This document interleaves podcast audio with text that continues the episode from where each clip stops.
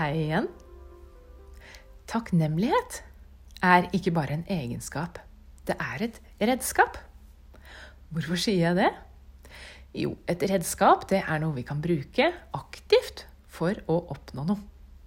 Og vi kan bruke takknemlighet aktivt for å oppnå helt konkrete ting i hverdagen vår. Vi trenger bare å forstå hvordan vi kan bruke det. Vi er jo vant til å se på takknemlighet som noe vi burde ha. Akkurat som tålmodighet. Vi er vant til at begreper som takknemlighet og tålmodighet er ting som gir oss litt dårlig samvittighet. Ja, vi burde kanskje vært litt mer tålmodige. Vi burde kanskje satt litt mer pris på de små tingene. Vært litt mer takknemlige.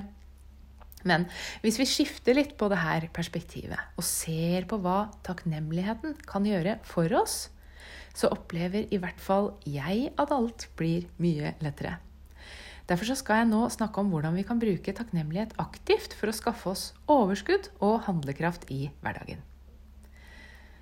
Takknemlighet er viktig på mange måter, ikke minst når det gjelder å bygge opp sin egen handlekraft.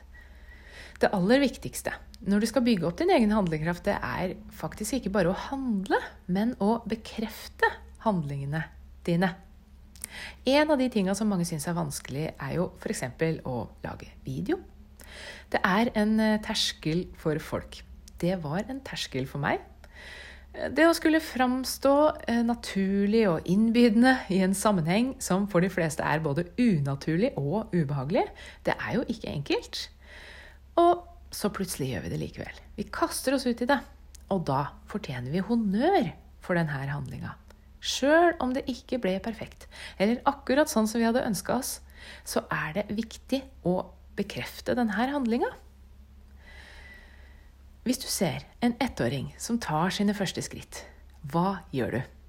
Begynner du å fokusere på at skrittet ikke var perfekt, og forteller ettåringen hvordan han egentlig burde tatt skrittet? Eller feirer vi skrittet i seg sjøl? Faktisk er det vel ingenting som fyller oss med større takknemlighet enn at vi får være med på at en ettåring tar sine første skritt. Når du gjør noe som du er ukomfortabel med, og som du har utsatt lenge, så er det fryktelig fristende å fortelle seg sjøl at det ikke var bra nok. Det vi i dag i virkeligheten gjør, det er jo å trekke handlingen tilbake. Og fortsette å bruke unnskyldninger for å ikke gjøre det igjen. Men hvis du har bestemt deg for at du klarer en ting, ja, da er det viktig å ta ansvar for å fullføre handlingen gjennom å bekrefte deg sjøl. Feir at du tok skrittet. Ikke trekk skrittet tilbake og bruk det som en bekreftelse på at du ikke var bra nok likevel. Så handlingen den er ikke fullført før vi har godkjent vår egen handling som bra nok. Om vi vil gjøre det best, bedre neste gang, ja, det er greit, men det er bra nok her og nå. Ettåringen som tar sitt første skritt, får tid og tålmodighet fra dem rundt seg til å stadig lære seg å ta flere og mer stødige skritt. Og det er bekreftelsen fra dem rundt som oppmuntrer og gir mestringsfølelse. Den samme oppmuntringen og bekreftelsen den må vi gi oss sjøl når vi skal gjøre noe nytt. Det handler jo om å gi seg sjøl respekt og tillit.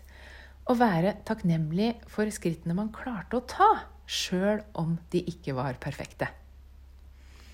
Takknemlighet og tålmodighet går hånd i hånd. Og hvorfor er det sånn? Jo, det henger sammen med å kunne ta et skritt om gangen. Den eneste måten å gjøre det her på, det er hvis vi ikke forventer større resultat enn nettopp det her ene skrittet.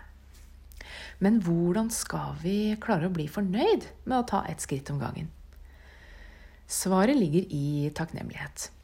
Takknemlighet, det er jo en eh, skatt som vi sjøl har begravet. Og den ligger egentlig rett foran nesa vår.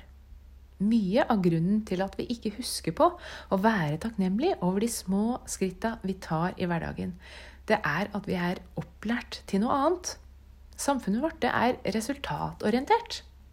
Det er akseptert å være utålmodig og haste gjennom livet som om hverdagen er mindre viktig enn alt vi har tenkt å oppnå. De skrittene du tar på din vei, er du takknemlig for dem? Alt vi ønsker å bli god på, det krever øvelse og innsats. Og én måte å starte på, det er jo nettopp å gjøre en ting du har tenkt på lenge, og som du er bekymra for om du kommer til å få til. Og det viktige når vi har gjort en handling som vi i utgangspunktet er ukomfortabel med, er hvordan vi tar vare på handlingen. Bekreft handlingen. Og du bekrefter denne handlingen ved å vise takknemlighet til deg sjøl. Det ansvaret du har tatt overfor deg sjøl ved å utføre handlingen, det fortjener takknemlighet. Det er veldig lett å bli frista til å si til seg sjøl eller andre at det her ikke var bra nok.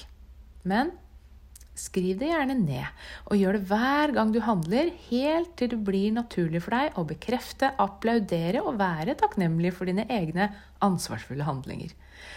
Og sånn blir vi mestere i takknemlighet. For det er stor kraft i takknemlighet. Takknemlighet gir livs, livsglede og kraft til å gå videre når vi møter utfordringer og går på nederlag. Vi henter oss raskere inn igjen når vi har bygget opp styrken og handlekraften vår gjennom takknemlighet. Men nå skal jeg ta en liten pause i snakkinga mi. Jeg skal gi mikrofonen til noen av mine medgründere i de neste sju episodene. Det her det er gründere som har lang erfaring i det å drive bedrift, og som har lært mye gjennom årene.